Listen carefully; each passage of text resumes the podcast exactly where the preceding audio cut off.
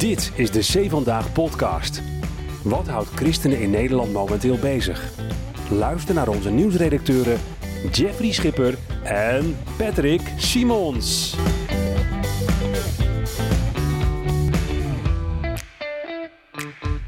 De nieuwe ranglijst christenvervolging is uit.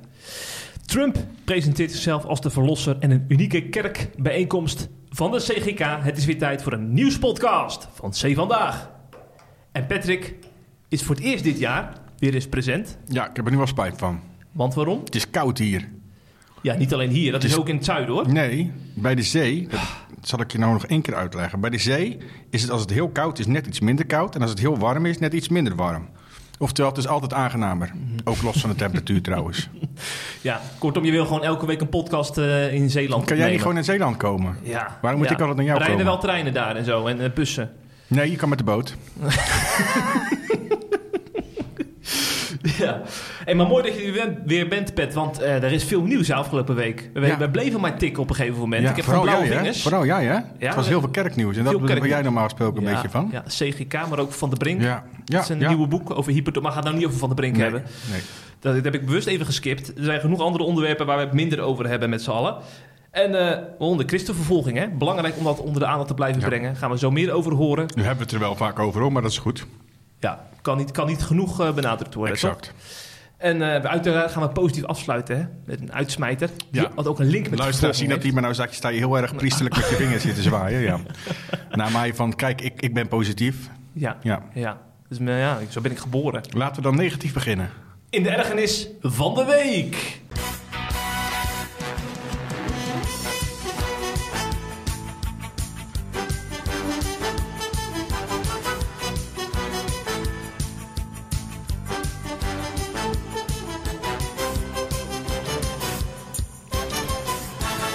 Je zei het net al, Jeffrey. Vandaag kwam de ranglijst christenvervolging uit. Daar gaan we het zo meteen ga ik het daar uitgebreid over hebben. Ik heb namelijk vijf, eh, heb ik artikel over geschreven, vijf dingen die me eh, daaraan opvielen. Eh, maar ik wil in deze ergernis er eigenlijk ook iets over kwijt. En dat is het volgende. Normaal interviewen wij altijd, naar aanleiding van die nieuwe ranglijst, de directeur van Open Doors. Dat is eh, Maarten Dees nu. Ehm, dit jaar koos Open Doors ervoor eh, om een eh, column te sturen van hem. Die sturen ze dan van tevoren al mee. Met, wij worden natuurlijk van tevoren geïnformeerd met een persmap waarin allerlei informatie staat, zodat we van tevoren al artikelen kunnen tikken. Eh, en er staat ook een column bij, dat is voor het eerst dat ze dat doen, van Maarten Dees. Daardoor dachten wij, dan hoeven we ook geen interview te doen, want dat komt een beetje op hetzelfde neer. Waarschijnlijk gaat hij ook dezelfde dingen zeggen. Dus wij hebben eh, naast ons eigen artikel wat ik geschreven heb, hebben wij die column gepubliceerd. Nu eh, was ik die eh, online aan het zetten of in aan het voeren. En dan lees je natuurlijk ook uitgebreid. En wat schetste mijn verbazing? Ze slagen er dus in, want ik zeg ze, want ik vermoed niet dat hij het zelf heeft geschreven, maar dat of door communicatiewerkers is geschreven, of medewerkers, of eh, in ieder geval gecontroleerd of herschreven. En ze slagen erin dus in om een eh, opiniestuk van nou, zo'n duizend woorden, denk ik, te schrijven over christenvervolging. Zonder daarbij de woorden islam of moslim te gebruiken. Eh, in de context van de oorzaak van christenvervolging dan. Want er wordt wel één keer het woord islamitisch gebruikt, maar dan gaat het over slachtoffers, namelijk de Oeigoeren in China, die ook daadwerkelijk onderdrukt worden trouwens. Maar ik vind het dus echt bizar dat ze dat woord omzeilen. Ter illustratie, acht landen in de top 10 van de ranglijst christenvervolging zijn islamitische landen. In die landen, en eigenlijk in de negende ook nog gedeeltelijk, wordt christenvervolging veroorzaakt door de islam. 15 van de top 20 zijn islamitische landen waar christenen dus vervolgd worden door de islam. Maar Maarten Dees of Open Doors, die schrijft daar heerlijk politiek correct omheen. Ehm, er wordt in één hele vage passage een beetje naar verwezen. Daarbij gebruiken ze de term namelijk religieus geïnspireerd geweld. Wat feitelijk wel zo is. En religieus geïnspireerde moorden. Ja, maar hallo, het is de islam. Dus je kan wel, het is feitelijk zo, maar het is de islam niet willen benoemen, moslims niet willen benoemen. Het is echt de islam. Eh, En daar kan ik me, dat heb ik natuurlijk al vaker gezegd, enorm aan ergeren. Ik heb er al, al, vaker voor gepleit en ik doe het nu ook. Het is echt bij christenvervolging enorm belangrijk dat we eh, de olifant in de kamer benoemen. Dat we het beestje bij de naam noemen. En dat beest, daar kunnen we gewoon niet omheen. Het beest dat christenen wereldwijd vervolgt, martelt, linst, verkracht, ontvoert, afslacht. Dat beest is islam. Punt. Het laatste nieuws uit Christelijk Nederland bespreken we in de C Vandaag podcast.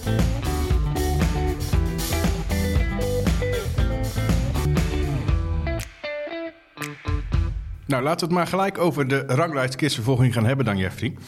Ehm, want wat blijkt eruit? Er worden wereldwijd maar liefst 365 miljoen christenen zeer zwaar vervolgd. Dat komt neer op 1 op de 7. Dus 1 van de 7 christenen in de wereld wordt zeer zwaar vervolgd.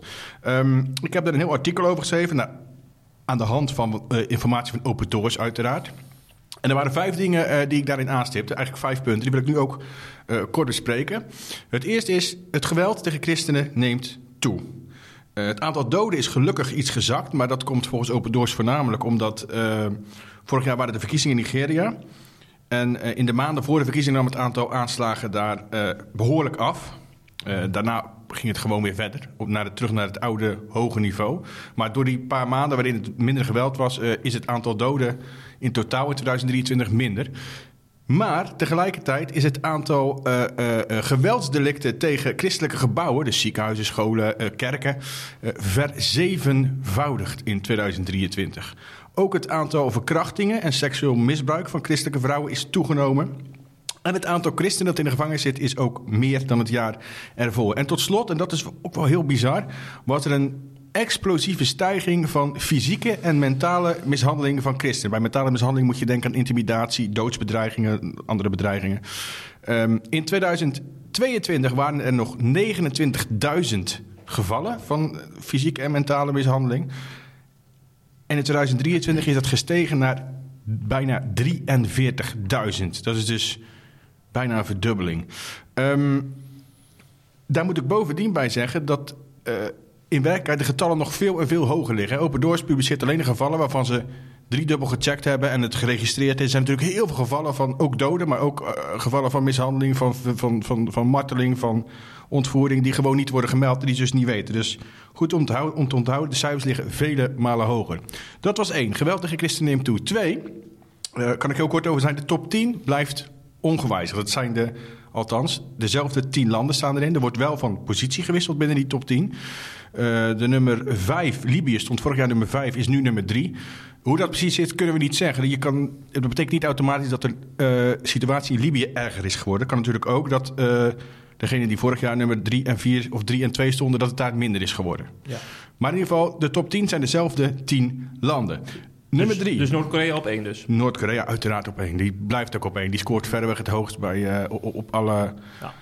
dingen in dat puntensysteem. Over dat puntensysteem gesproken, dat is het derde. Dus één, het geweld neemt toe. Mm-hmm. Twee, de top 10 zijn dezelfde landen. Drie, kom ik bij Nigeria. Daar hebben we natuurlijk heel veel ja. over geschreven dit jaar. Enorm veel. Bizar veel geweld tegen christenen. Dodelijk geweld ook. Alleen al nu, in het nieuwe jaar, zijn er volgens mij alweer 70 of 80 uh, christenen vermoord daar. Door moslims overigens. Uh, hoe kan het, vragen veel mensen zich af, dat dat land dan niet op uh, nummer 1 staat in, uh, op de ranglijst? Hmm, hè? Want ze staan zesde namelijk. Dat komt omdat Open Doors een, een puntensysteem gebruikt om de ranglijst samen te stellen... waarbij ze niet alleen maar kijken naar dodelijk geweld, wat dus in Nigeria heel veel plaatsvindt... Uh, maar ook naar onderdrukking vanuit de overheid, vanuit de gemeenschap, eigen gemeenschap, vanuit de familie. Uh, en dat soort dingen scoort Nigeria lager op, omdat hele grote delen van uh, Nigeria ook christelijk zijn. Hè? Dus daar, dit zijn gewoon hele christelijke gemeenschappen. Daar word je natuurlijk niet door je eigen gemeenschap vervolgd en ook niet vanuit de overheid vaak. En daardoor, doordat ze op die punten wat lager scoren, komen ze uiteindelijk uit op, op de nummer 6. Maar er vindt daar wel verreweg het meeste geweld plaats. Sterker nog, 80% van alle doden door christenvervolging zijn doden die in Nigeria zijn gevallen. Dat is procent? 80 procent, wow. meer dan 80 procent. Dat is echt dat is bizar. Dus voor mij zijn er in totaal een kleine 5000 doden gevallen afgelopen ja. jaar. 4200 daarvan zijn in Nigeria gevallen. Ongelooflijk. Bizar om te beseffen. Um, dat is dus drie. Het vierde is Afrika. Uh, daar ligt Nigeria uiteraard in. Um, het is een trend die, al, die we eigenlijk al, al jarenlang zien en die zet zich voort volgens Open Doors. Dat is namelijk dat christenvervolging zich steeds meer openbaart in Afrika. Um, dat komt uiteraard door de islam. Eh, jihadistische groeperingen die verspreiden zich daar steeds meer als een olievlek over dat hele continent. Ik had het net over Nigeria, maar ook in andere landen schrijven we ook regelmatig over. En vinden daar enorm veel aanslagen plaats. Radicale islam groeit daar als een, als een malle. En uh, daarnaast, dat is ook wel goed om te benoemen, wijst Open Doors ook op uh, de invloed van landen als China en Rusland. Okay. In Afrika, in Afrikaanse landen. En ja, ja. van China gaat dat, die, die bepaalde regimes voorzien zij van uh, moderne technologie waarmee mensen in de gaten gehouden kunnen worden. Hè, wat in China ook gebeurt. Dus met die camera's en surveillance technologieën en zo. En regimes in Afrika maken daar natuurlijk dankbaar gebruik van. Waardoor de positie van christenen nog verder onder druk komt te staan. Maar ook Rusland. Um, in Afrika zit namelijk een van de meest gevreesde groeperingen daar. Gewapende groepering is de, de, de zogeheten Wagner-groep. Hè? Die ken je wel. Uh, waar de leider recent van is uh, vermoord door Poetin, geloof ik. Uit de lucht geschoten, toch? Ja. Ja. Nou, die zitten daar in Afrika die met zwaar bewapend en die houden daar ook behoorlijk huis. En dus het is niet alleen de islam, goed om te weten. Het is ook inmenging van China en, en uh, Rusland, waardoor de situatie van christenen in Afrika steeds uh, wordt. Dat was vier. Dus ik heb nu vier punten genoemd. Hè. Eén is kerstvervolging neemt toe, geweld neemt toe.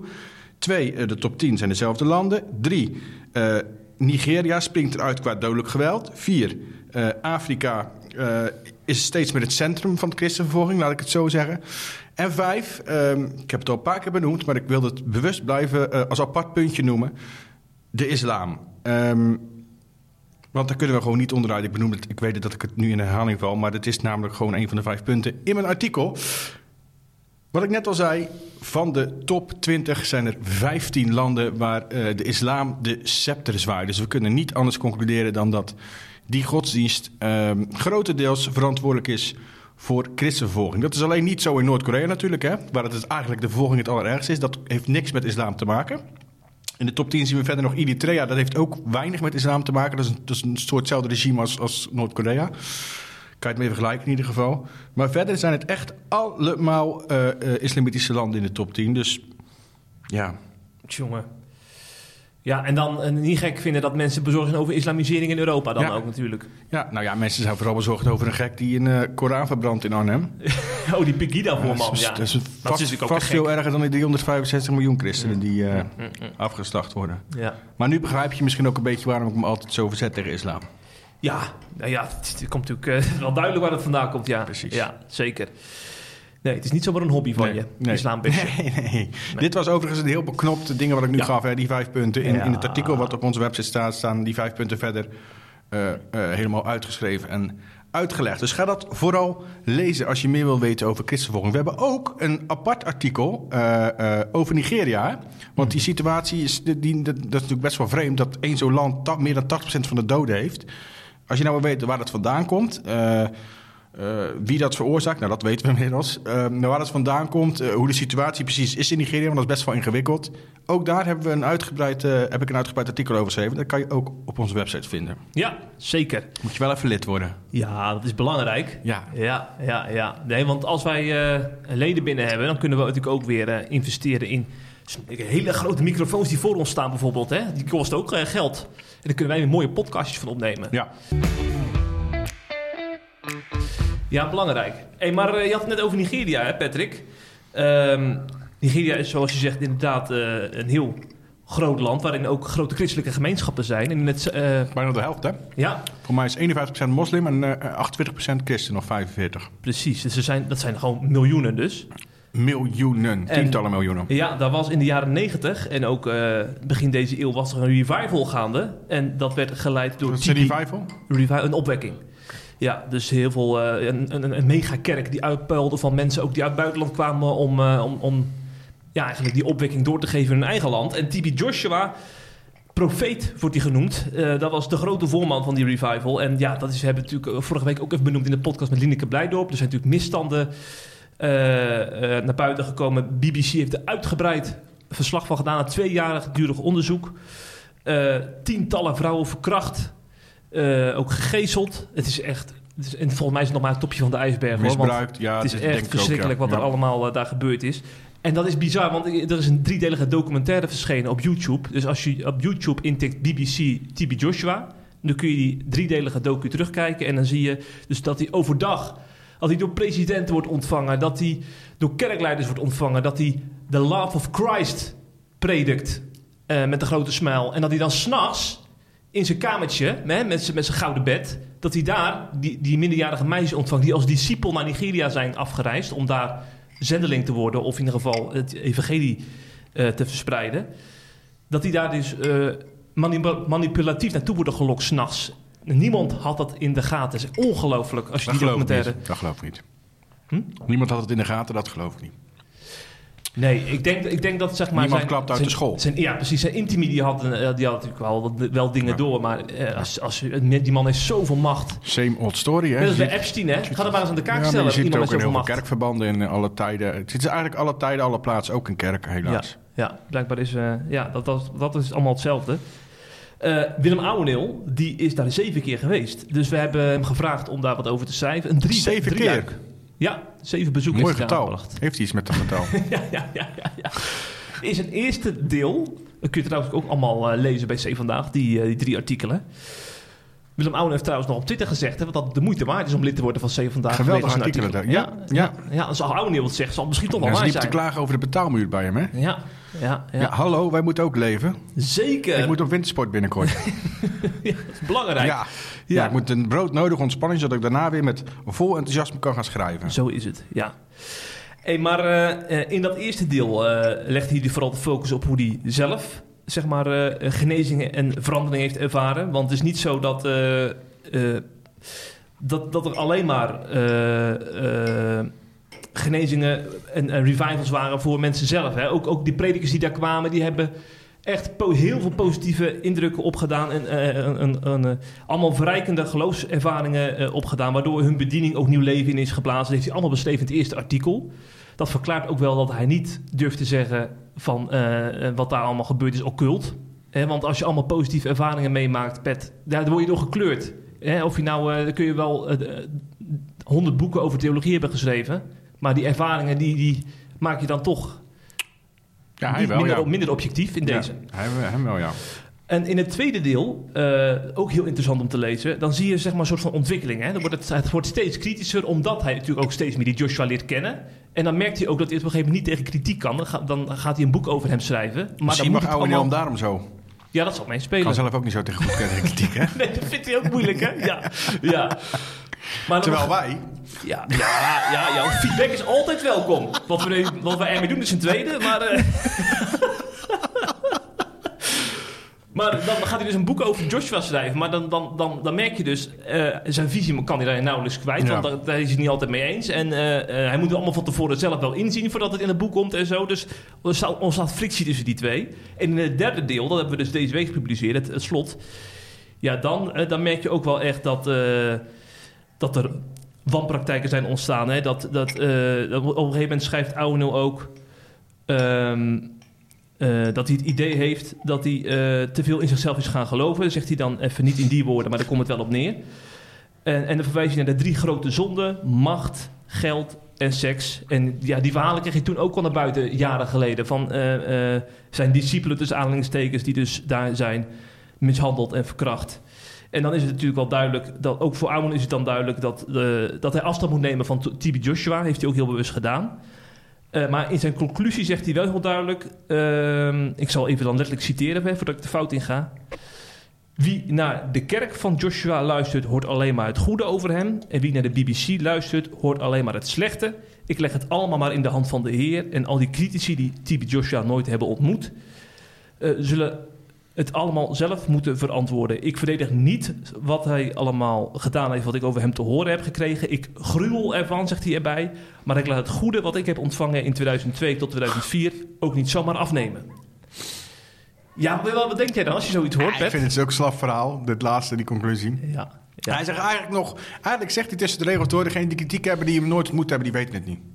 Daar komt het eigenlijk wel op neer. terwijl hè? gewoon onderzoek aantoont dat er tientallen vrouwen zijn verkracht, mishandeld, gemarteld. Ja, kom op joh. Waarom mag ik geen kritiek op hem hebben? Dan ben je gewoon heel slecht bezig geweest. En dan ben je ook nog eens een, niet alleen slecht bezig geweest in, gewoon dat überhaupt die daden slecht zijn. Maar je bent ook nog eens heel slecht bezig geweest voor Gods kerk. Want heel Gods kerk staat nu wereldwijd. Hij eh, is het visiteplaatje van Gods kerk nu. Door wat nu naar buiten komt. Dit is wat mensen nu over de kerk zien. Net als wat jarenlang in de Rooms-Katholieke kerk is gebeurd, weet je wel. Die rellen rondom kindermisbruik. Nou, dat is bij dit ook. En dan kan, vind ik echt heel makkelijk om te zeggen... ja, eh degenen die er nooit geweest zijn... die moeten verantwoording afleggen van hun kritiek. Nee, hij moet verantwoording afleggen. Dat heeft hij al gedaan trouwens. Ja. Hij is gestorven natuurlijk. Ehm, Tibet Joshua, ja. Ja, Tibet Joshua. En ik vind het echt makkelijk om te zeggen... maar ik heb hem ontmoet en hij deed ook heel veel goed. Ja, vast. Er is niemand puur slecht. Er is niemand puur goed.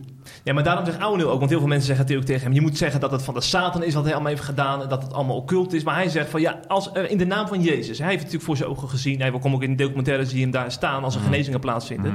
Als je daar genezingen ziet gebeuren... als je daar... eh, dan, dan is het ook heel moeilijk om te zeggen... van dit is allemaal van de, van de duisternis en van de Satan. Want... eh, Anders, volgens mij is zijn, zijn zijn schoonzus heeft ook genezing ervaren toen hij daar was. Dus dan is het ook moeilijk om dan heel, heel keihard zo- zo'n man te veroordelen. Hè? Dat is de andere kant van de zaak, toch, Pet? Of is dat te makkelijk? Ik vind dat te makkelijk. En ik zal ook direct uitleggen waarom. En dan pak ik er even een, een bijbeltekst bij. Eh Matthäus eh, 7 is dat, vers 22. Want hij zegt, ja, hij deed wonderen in Gods naam... en de genezingen in Jezus' naam. Dus dat kan toch niet anders dan van God komen, right? Je kunt in ieder geval dan niet zeggen dat het van de Satan is, dat zegt hij. Precies. Ja. Nou, dan citeer ik Matthäus 7, vers 22. Het gaat over, volgens mij over eh, als, als Jezus terugkomt om te oordelen. Velen zullen op die dag tegen mij zeggen, mij is, is, is Jezus... Heren, heren, wij hebben, hebben wij niet in uw naam geprofiteerd... en in uw naam demonen uitgedreven... en in uw naam veel krachten gedaan? Nou, weet je wat Jezus dan zegt? Ga weg van mij. Ik heb u nooit gekend. Die tekst wordt vaak misbruikt, ik weet het. Ehm, maar ik denk wel dat het laat zien dat je niet zomaar kan zeggen... ja, hij deed toch wonderen in Jezus' naam, dus dat kan toch nooit van de Satan zijn? Ja. En Jezus heeft ook inderdaad geprofiteerd van... en zullen in het einde der tijden zullen er valse profeten opstaan... die in mijn Ja. naam laat je niet misleiden, zegt Ja. hij er dan ook nog bij. Die zeggen dat ze door God zijn aangesteld, daar gaan we het zo nog over hebben. Oh ja, ja. Ja, dus het is inderdaad wel heel... Ja, dat, dat maakt des te kwalijker. Want Ik zeg, niet dat, ik Ja. zeg nu niet, eh, hij is van de Satan. Hè? Want Nee, ik, ik, nee, nee, ik ben, ik ben, ik heb, als ik één ding geleerd heb in mijn leven... is om dingen niet mensen en eh, wel daden te veroordelen, maar Mm. niet mensen... Ehm, wie ben ik om te zeggen hij is van de Satan of hij is van God... of hij is eh, naar de hemel of naar de hel, wat dan ook. Nee. Dat, dat laat ik allemaal lekker aan God over. Dat zegt Ouweneel trouwens ook wel. Hè? Mhm. Maar het argument om te zeggen... ik heb gezien dat hij wonderen in naam van Jezus deed... dus hij kan niet van de Satan zijn... dat vind ik een beetje zwak. Ja, ja, ja. Maar goed, ik heb ook geen zin om het tegen een theoloog op te nemen... dus laten we snel doorgaan. Ja, nou, ik, het laatste wat ik nog wil zeggen, wat me opviel aan die driedelige docu, is dat ik het heel typerend vond. Op een gegeven moment, zijn discipelen hebben zeg maar... eh, Discipelen vind ik ook al zo'n Ja. stom woord. Jezus Ja. had discipelen. Ja, ja, ja, ja. Ja, misschien zag hij zichzelf wel als Jezus, hè? Anders, anders doe je dat ook allemaal niet letterlijk overnemen misschien. Maar op een gegeven moment moesten ze zo'n gastenverblijf maken. Dus echt gewoon zelf, hè? Met, met cement en met stenen en zo. Ja, dan weet je ook, dat is niet door technici gedaan, dus dat is niet stevig. Dus op een gegeven moment stort het gebouw in. Wat denk je? Meer dan 50 doden. In plaats van dat hij dan gewoon verantwoording aflegt. Van het is onze verantwoordelijkheid. We hebben allemaal fouten geda- gedaan. We hadden dit niet zelf moeten bouwen. Weet je wat hij dan doet? Dan laat hij een, een, een filmpje photoshoppen dat er een vliegtuig over het gebouw vliegt. Dat dat wordt gebombardeerd. En dan zegt hij, ja, er zijn mensen geweest die hebben het op ons gemunt. Dus ons gebouw is Gewoon gebombardeerd. puur en nu zijn ze, Gewoon bedrog. dat is gewoon een paar Ja. leugens zijn ja, dat. Ja. Dat zegt, dit zegt veel over hem. Samen, ja, ja. Je moet goed kijken wat er in de Bijbel, in de Bijbel mee omgegaan wordt met bedrog. Ja. Daar wordt God ongelooflijk boos om.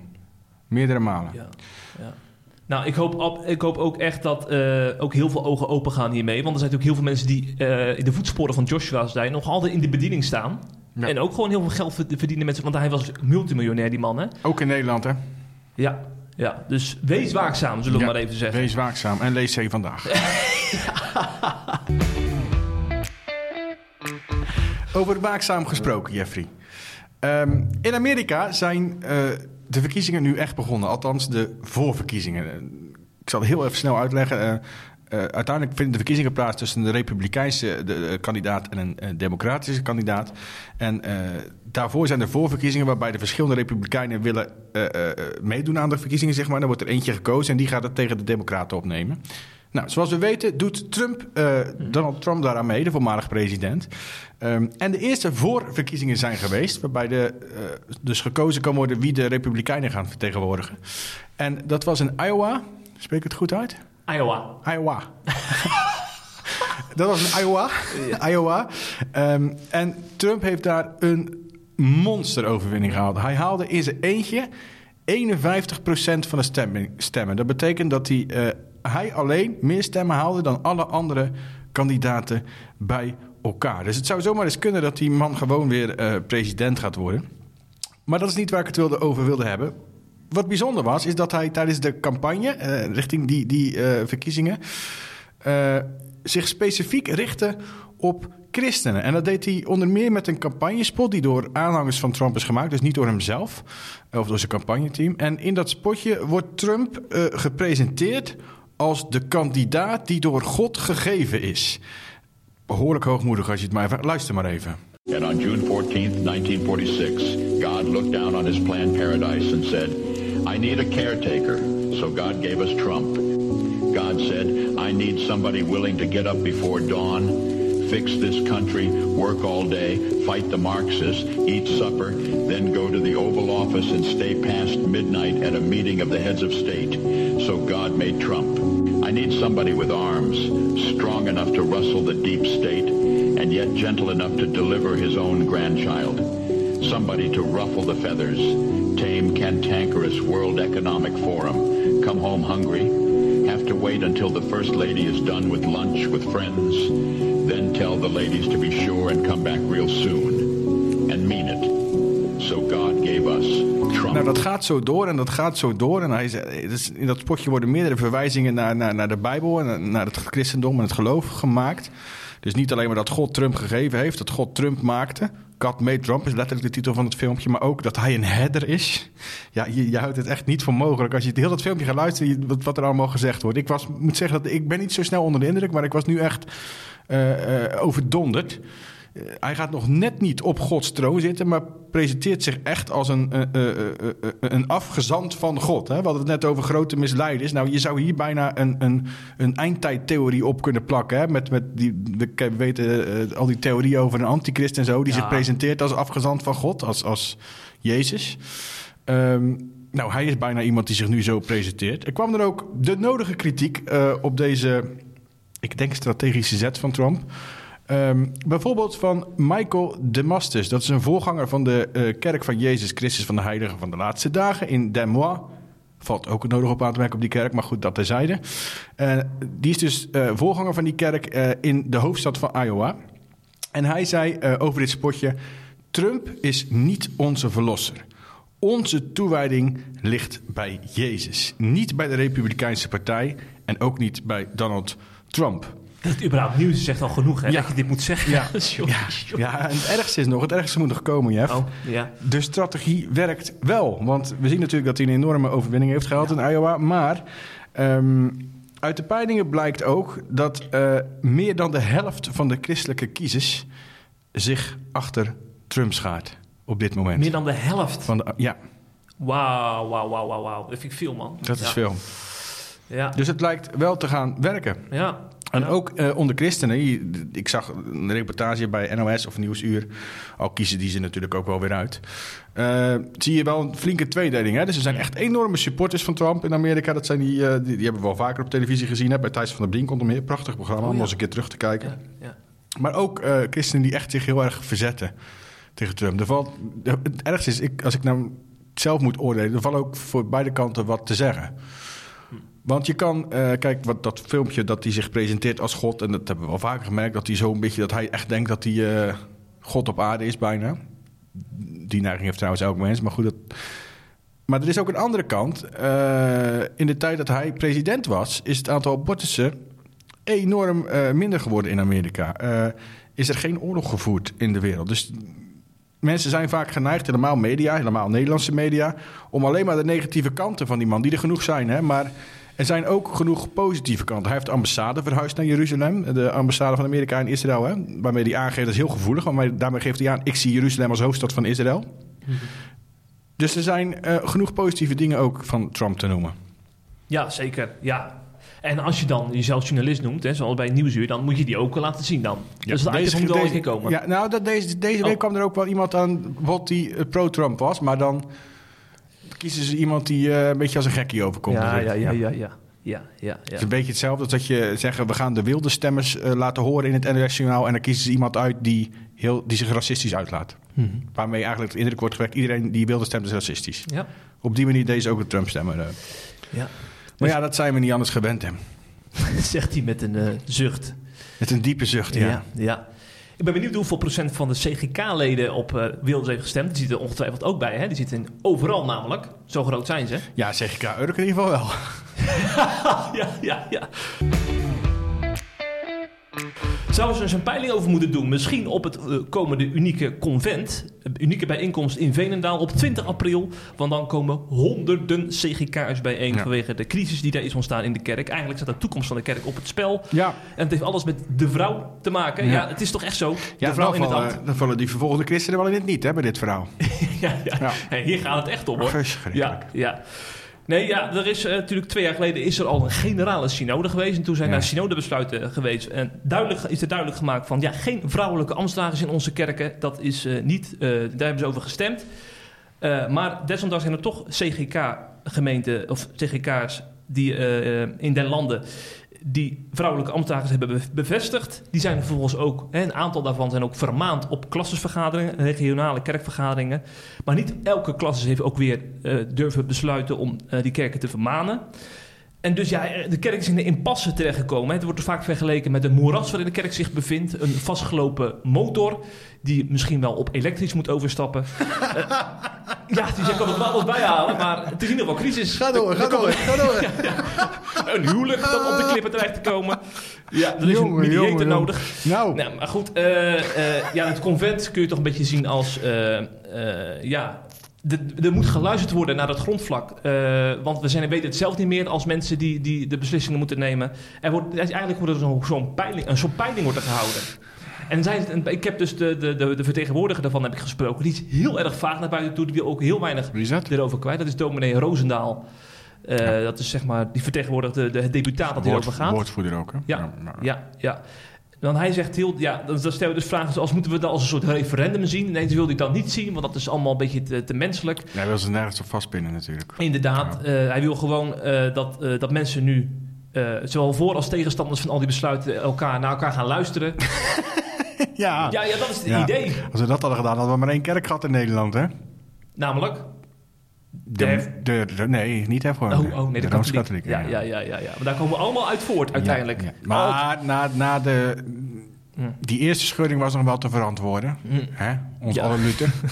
maar alles wat daarna is gebeurd is, verfoe- is te verfoeien. Ja. Nee, maar naar elkaar luisteren. Ja, wat is dat nou voor een... Dat is nou precies waarom heel veel scheuringen hebben plaatsgevonden. Omdat we niet naar elkaar luisteren. Of niet naar elkaar willen luisteren. Want je kan wel naar elkaar luisteren, maar als je het dan niet met elkaar eens bent. Als je nou echt... Ook dit verhaal. Als je nou, jij nou echt vindt dat bijbels gezien uh, vrouwen uh, in het ambt kunnen. En een ander vindt echt van niet, bijbels gezien.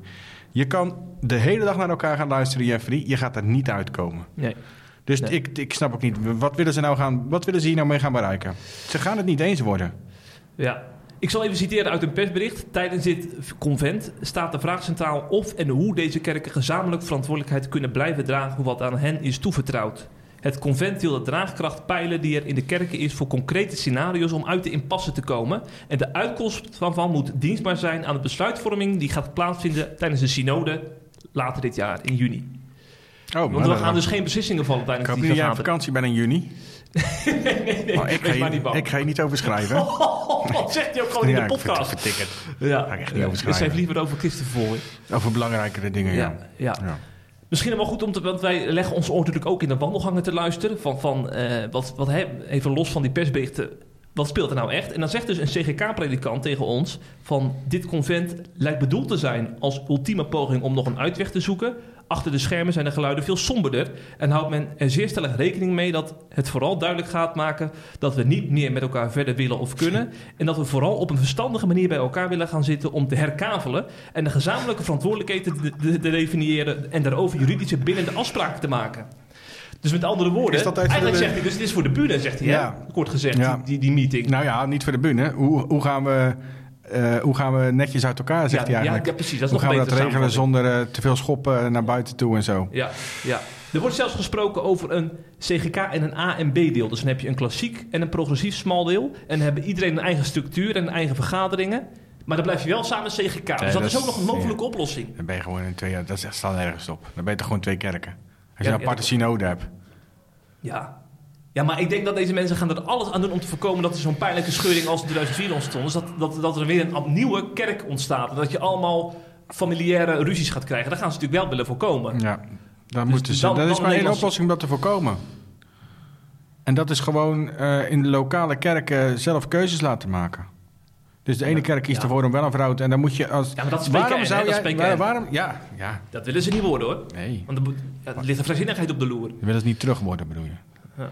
Ja, maar dat heeft niks met vrijzinnigheid te maken. Je kan toch in jouw kerk gewoon dat niet doen en in een andere kerk het wel laten doen. Waarom mag die kerk dan niet bij jouw verband horen? Dat is niet zo raar. Ja, maar dat, dan- dat is, vind ik nou Dan kun je hoogmoedig. bordje CGK weghalen dan. Ja, dat is sowieso een goed idee. Want? Overal weer hervormd opzetten. ik weet ook eigenlijk helemaal niet wat mijn eigen mening is op dat Nee. gebied. Ik heb daar, dat, is, dat vind ik een goed teken. Dat ik daar nog nooit eh, gedwongen ben om daarover na te denken, wat ik daarvan vind. Ja. ja. En waarom zou ik daarover na gaan denken? Dat vind ik wel niet boeiend. En we zijn ook nog eens onafhankelijk, dus we hoeven er ook gelukkig geen opinie over te vormen als redactie. Nee. Hè? Nee. We werden gisteren gebeld door iemand die vond dat wij, eh, dat wij moesten echt wel een keuze maken over, over het Israël-standpunt. Want de Bijbel is heel helder. Je moet als redactie moet je daarover naar buiten treden. Nee, de redactie is daar niet voor, meneer. Wij, wij laten alle geluiden horen. Eh, dus je mag zelf kiezen. Moest je even kwijt, hè? Ja, Ja. misschien luistert hij wel, hè, die Ja, man. ja, nou, dan ik ben je nou ja. kwijt. Ja, maar maar- genoeg over kerk en genoeg over gedoetjes. Het is tijd voor de uitsmijter van de week.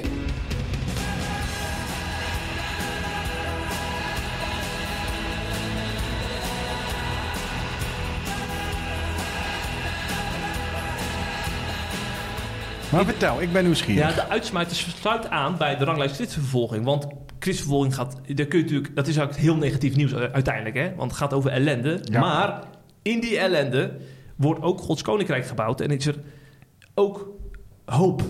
Ja, dat is, dat is echt. Max uit Oezbekistan noem ik eventjes. Die werd onlangs genoemd in, eh, in een nieuwsbrief van SDOK. De SDOK maakt heel veel verhalen. Persoonlijke verhalen over vervolgde christenen. Dat is een van de drie organisaties in Nederland. Ja. Open Doors, SDOK Precies. en HVC, hè? Ja, Ja. noem ze allemaal, want jullie- ze verdienen allemaal steun. Daarom. Eh, en Max, die eh, was op een gegeven moment zoekend, want die eh, wa- was, had zijn biologische ouders eh, had hij had hij contact mee verloren en die zocht naar vrede. En dat zocht hij uiteindelijk eerst in de islam, maar dan liep hij vast. Ja, dan vind je geen vrede, nee. Nee.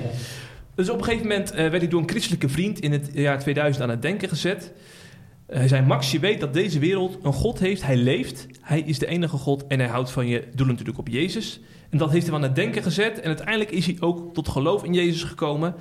En, dat is niet net bij gebleven, hij is een huiskerk gestart. Dat is heel dapper in Oezbekistan. Ja. Want de ge- regering die, die is daar niet van gediend. En eh, dus uiteindelijk werd hij ook gepakt. Hij is 50 keer verhoord en moest 8 keer voor de rechter verschijnen. En dan nog gewoon je geloof behouden. Hè? Bizar dit soort mensen. 50 keer, zei je dat nou? 50 keer verhoord, staat er in de nieuwsbrief van SDOK. Help. Eh, werd als een groot crimineel gezien, maar hij bleef getuigen. En ondertussen is zijn huisgemeente uitgegroeid tot 90 groepjes. Het gelovigen, bizar. Ja. Hij heeft stand gehouden en uiteindelijk eh, heeft hij, eh, eh, is hij vrijgekomen. Is hij naar Zweden gevlucht en daar leidt hij nu een zendingsorganisatie. Ja, dit, dit soort mensen moeten we nou echt op schild Ja. treffen. Hè? We hebben een aantal mensen genoemd in de podcast. Ja, absoluut. Maar Ja. deze mensen die horen hier niet in het nieuws. Nee. Maar denk ook dit niet zijn dat echt die, helden. Ik denk ook niet dat die 90 eh, groepjes een convent hebben georganiseerd over de vrouw. Nee, nee, want hier gaat dus inderdaad echt... Die staat centraal. Jezus is de redder van de wereld. En die, die verkondigen wij. Daar Punt. gaat het evangelie uiteindelijk over. Punt. Ja, toch? Punt. Maar Punt. ja, moeten we ook niet hypocriet zijn. Dan kunnen we onze website ook wel Ja, opheffen. ja, ja, want wij schrijven er natuurlijk wel veel over. Ja, en eerlijk gezegd, privé... Als je dan al heel lang christen bent... dan ga je uiteindelijk ook alweer over randzaken hebben.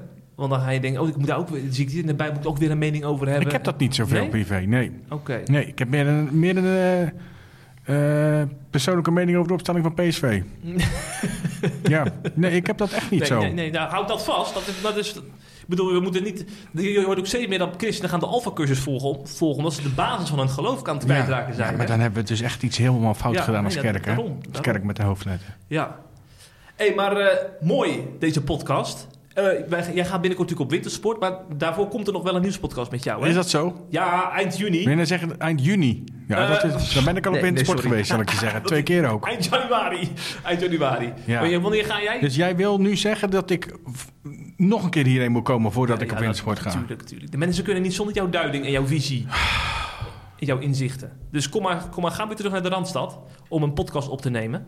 Maar tot die tijd, eerst nog even het nieuws volgen en weer tikken. Hè, Ja. want een stukje sticker, eh, Dat is ook het liefst. is dat jouw vak? Ja, en interviewer, hè? Pas op, hè? Zeker. Zeker. Komen er nog mooie interviews de komende tijd? Jazeker. Ik, heb, eh, ik ben nu klaar met een serie met kardinaal Eijk. Oh, Waar vooral iedereen heel boos om was, omdat hij zich uitsprak over eh, eh, huwelijk en seksualiteit. Eh, maar er komt nu een heel positief en mooi verhaal aan. Namelijk een, een man uit Urk. Die we, waar wij wij zijn naar Urk geweest weer, Ja. hè, dat doen we regelmatig. ja, ja. Eh, die op een hele bijzondere manier eh, tot geloof is gekomen. En wat nog veel bijzonder is, die, die, die daarna een gelovige vrouw ontmoette... die die eigenlijk na tien jaar huwelijk weer kwijtraakte, die overleed. En daar vertelt hij heel openhartig over. Over het kwijtraken van zijn vrouw en hoe dat ging. Hoe dat pro- stervensproces zelfs ging met dat afscheid nemen van elkaar. Heel, heel, heel boeiend en eh, ontroerend verhaal zou ik bijna zeggen. Mooi. Dus die komt er binnenkort aan, op woensdag. Dus blijf ze vandaag in de gaten houden. Belangrijk, zeker. En wij gaan het nieuws weer in de gaten houden. Dus eh tabé en tot de volgende podcast. De groetjes. Hopelijk heb je genoten van deze C Vandaag podcast. Volgende week is er weer een nieuwe aflevering. En blijf via cvandaag.nl op de hoogte van het laatste nieuws uit Christelijk Nederland.